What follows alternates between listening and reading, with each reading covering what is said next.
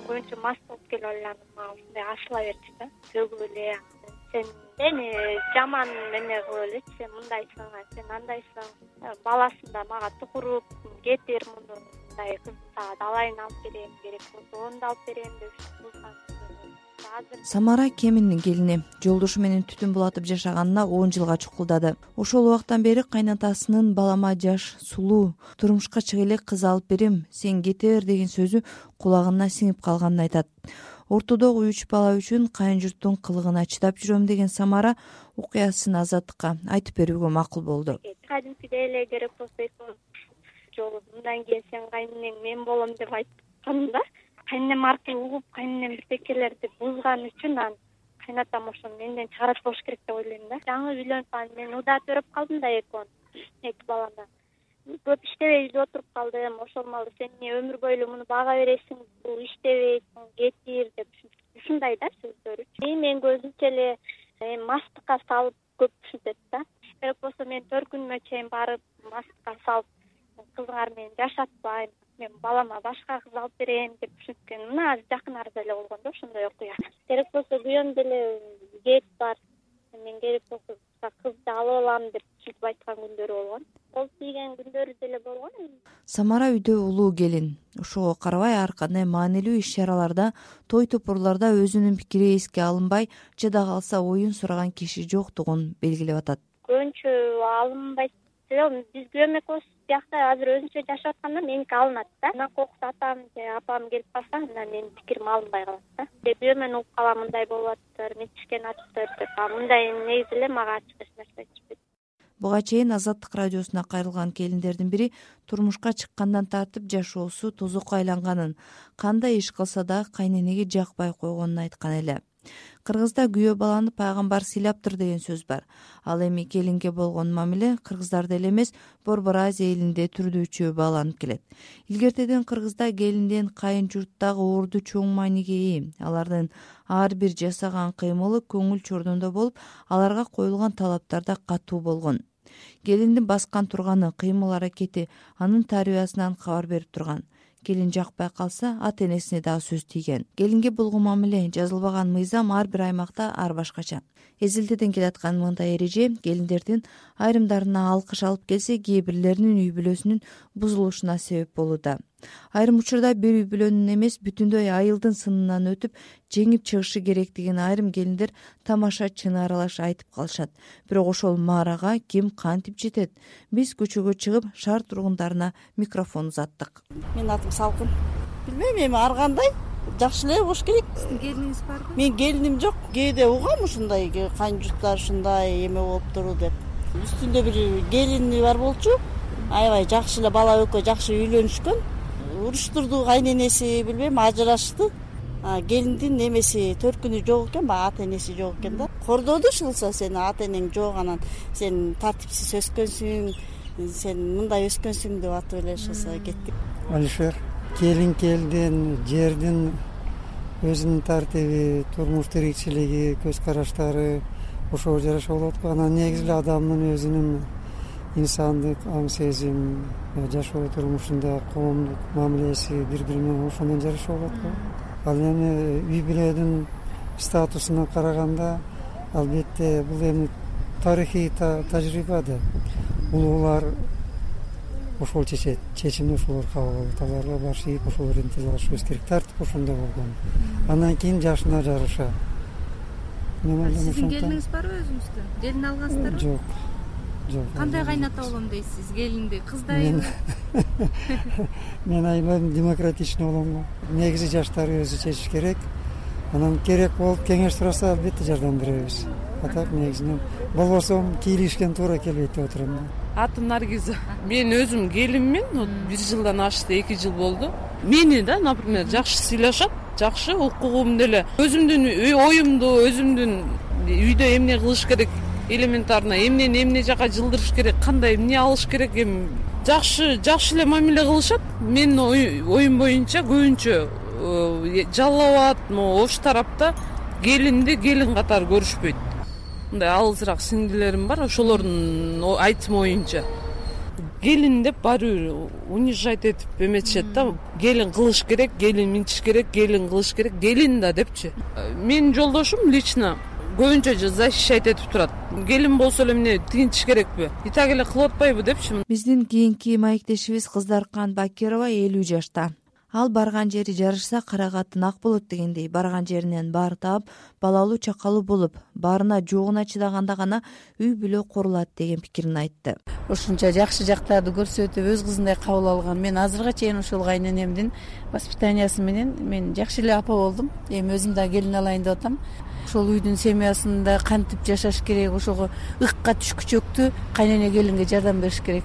Ошол командовать этиш ошол үйдүн бийлигин алыш үчүн дагы көп эмгек сиңириш керек. Мен элүү жаштамын. Элүү жашта мага зорго бийлик келди. Мына кайненем жетимиште. Мен ошого чейин унчукпай кайненемдин айтканын жасап ошол үйдүн олор каякка акса ошол жака актым ошолордун эмне десе ошонун баарын жасадым. Себеби мен ошол жерден жашап кетейин ошол жерде мен күйөөмдү одноклассниким болду сүйүп күйүп тийдим. Себеби мен күйөөмдү сыйладым. Баардык нерсесин ичиме сактап макул деп билбегенимди үйрөнүп э, олор эмне десе ошонун баарын аткардым ошо жашап кетейин десе баардык нерсеге чыдаш керек да кызым. Күйөө да болот балдар да болот баарына чыдайсың да. Кайнене да урушат күйөө да урушат кайнага да урушат кайнэне да каарын салат апа деп эже деп эле мен жүгүрүп жүгүрүп эле мен служанка эле болгонмун кызматта эле болгонмун мен кайын журтума кайнелериме төргө чыгып эми менин посудадан колум бошоду кызым. Мен посуда жууп үй жыйнап эш чыпырып эле жүргөмүн чынын айтсам кыздаркан бакирова белгилегендей кайын журттун кийлигишкенин тили тийгенин кадимки көрүнүш катары кабылдаган кыз келиндер да жок эмес. Учурда чет өлкөдө жашап жаткан журналист карамат токтобаева турмушка чыккандан кийин көпчүлүк келиндердин өз ысымы унутулуп ай келин атка коноорун ал келген күндөн тартып ар кандай сыноого тушугуп турмуштун чоң соккусуна кабылаарын жана андан аркы жашоосу ошол сындан өтүп өтпөгөнүнөн көз каранды экенин азаттыкка жазган болчу. Биздин ошол алайкуу тарапта баягы келинге өзгөчө э, мамиле жасашат да ошо келгенден баштап эле сыноо бир учурлары өтөт да. Ошол сыноо деле кээде бүтпөй ошол акырына чейин эле келин кандай неметип болуш керек деп ар бир тиги баягы кадамына чейин сынаган ушулар э, көп болот да. Анан келин баарын жасаш керек э, жеңеси эми жеңе деп коет же келин деп коет. Анан баарын жасаш керек баарына чыдаш керек. Коендун чарыгы деле бир күнгө чыдап туруп ошого жараша баягы келиндердин өзүн коргонуу мен да ошондой ойлойм да. Көбүнчө жанагы аябай тажал болуп калган келиндер келгенден баштап баягы ар кандай сыноодон кээде туруштук чыдабай ошого карата карама каршы тиги өздөрүнүн ошол кыялдары пайда болот деп ойлойм да. Жалпы Э, бир айылдын э, ошол айткан сөз э, деген сөздөрүнө чыдап анан ушинтип жашап келген келиндер бар да.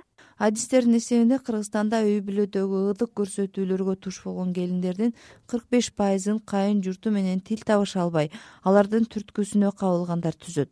Ошол эле учурда психологдор келин менен ымала таппай стресске кабылган кайненелер да көп экенин айтып келишет. Бул сандар бейөкмөт уюмдар чыгарган болжолдуу статистика. Кеңири изилдөө жүргүзүлгөн эмес. Анткени менен оштогу ак жүрөк укук борборунун жетекчиси дарика асылбекова кайын журттун айынан ажырашкан же күйөөсү менен ыйкы тыйкы болгон учурлар көп экенин билдирип келет. Келин деген келин деп айтат да келин деген кыздай болбойт деген принциби бар бул кыргыздарда. Келин деген үйгө келди жумушту аткарыш керек. Келин үйгө келгенден кийин ошол жумуштан башка өзүнүн баласын тарбиялаш керек үй жыйнаш керек коро тазалаш керек дегендей ушул үйдөгү маселенин баардыгы келин аркылуу өтүш керек жумуштун баардыгы дегендей түшүнүктө болуп жүрүшөт. А бизге келген келиндердин көпчүлүгү деле ошондой э, нерселерди айтып арызданышат да кайнененики бир жөн болуп атат кайнененики кичине э мынанымды кайнене? деген айтат дегендей а кайненеден тышкары ошо үй бүлө мүчөлөрү кайнэжеси үстөмдү кылат кел мен киримди жууп бер деп туруп алып келип келинге киримине таштап кетет. Ошентип келишип атат бизге бир машина киз алып келип таштап коет. Бир жума жууйсуң дейт аны. А кайнага болсо кадимкидей сөгөт. Кайната кадимкидей сөгөт. Ушундай ситуациялар бар. Муну жашырганга болобу кыргыздарда келинге карата бир катар тыюулар орун алган. Бул бир чети тарбия болсо экинчиден укуктарынын чектелиши катары каралып келет мисалы келин текебер сүйлөбөй дайыма ийкемдүү болушу кайын журтка кың дебей кызмат кылууга милдеттүү экени айтылат. Күйөөсүн сыйлаган келин кайын журтту урматташы керек. Муну баскан турганы жасаган иши менен далилдеши зарыл. Антпесе күйөөсүн тоготпоо болуп саналат. Бирок ошол эле учурда социологдор келиндин үйдөгү орду анын күйөөсүнө байланыштуу дешет анткени менен кыргыз коомунда жалаң эле келиндер кайын журттун каарында калып жатат деп бир кылка баа берген туура болбойт. Тескерисинче келини батырбай коюптур келини начар чыкты деген кептер дагы айтылып жүрөт. Айрым улгайган адамдардын карылар үйүнө барып калышына дагы дал ошол келиндер себепкер болгон учурлар да жок эмес нарындагы бакубат коомдук уюмунун жетекчиси турганбүбү орунбаева кызын турмуш курууга жеңил ойлуу болбой көп нерсени сабырдуулук менен же жөн эле үй бүлөнүн ачуу таттуусу болоорун үйрөткөн ушуга тарбия берген ата энелер аз болуп жатканын белгилеп жатат мунун айынан кайнэнелердин күйөөлөрдүн укуктары бузулган учурлар бар экенин айтат. Негизи муну бир жактуу карап болбойт да. Бул келиндердин чындыгы эми кайнэнелер тарабынан угуп отурсаң алардын өзүнүн чындыгы бар. Ошон үчүн экинчи жагы көп учурда биздин кыздарыбыз өздөрү да күнөөлүү анткени турмушка барган жерде эгер өзүң сүйлөшүп барсаң ошону жакшылап танда байка ошонун ачуусуна э, чыдагыдай бол там жакшылыгын көтөргүдөй бол дебей элечи сен де сен эмне болуп калыптырсың бирдеме болсо басып кет. Эмне жашооң өтпөй калабы биз ага квартира алып беребиз там жумушуң жегиде болот балаңды биз багып беребиз деп көбүнчөсүн ата энелери жана эже сиңдилери да көп кызат экен да. Могу экөө кандай жашайт экөө ошо даярдаган бир чети бир институт жок бир чети бир чети могу таң калам да ушу канчалык бала ата энесин жакшы көрүп сыйлап жүрсө эле келинчеги келген эле. Атаң мындай экен анең мындай экен деп койсо эле баягы отуз жылдык же жыйырма беш жылдык жашоосун кредитке чаап эле. Эң ооба деп эле ата энесине мындай каршыраак болуп калат экен да. Мени сыйласаң ата энеңди сыйла экөөбүз чогуу бир бүтүн болуп жашайлы десек деген балдар азыраак деп эсептейм да. Бирдеме болсо келиндер мынтип коркутат азыр э, практикада аябай көп учурайт. Мен сага могу балаңды экинчи неберелериңди көрсөтпөйм анан силер чыдап жашап көргүлө деп. Азыркы заман ушундай.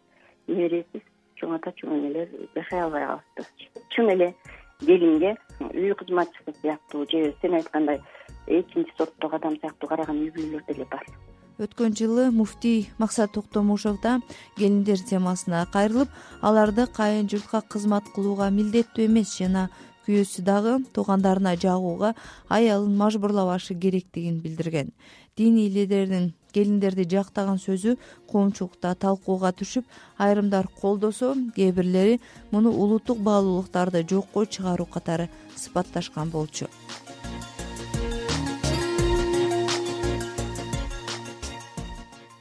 сиздер аялзат берүүсүн уктуңуздар. Берүүнү даярдап алып барган канымгүл элкеева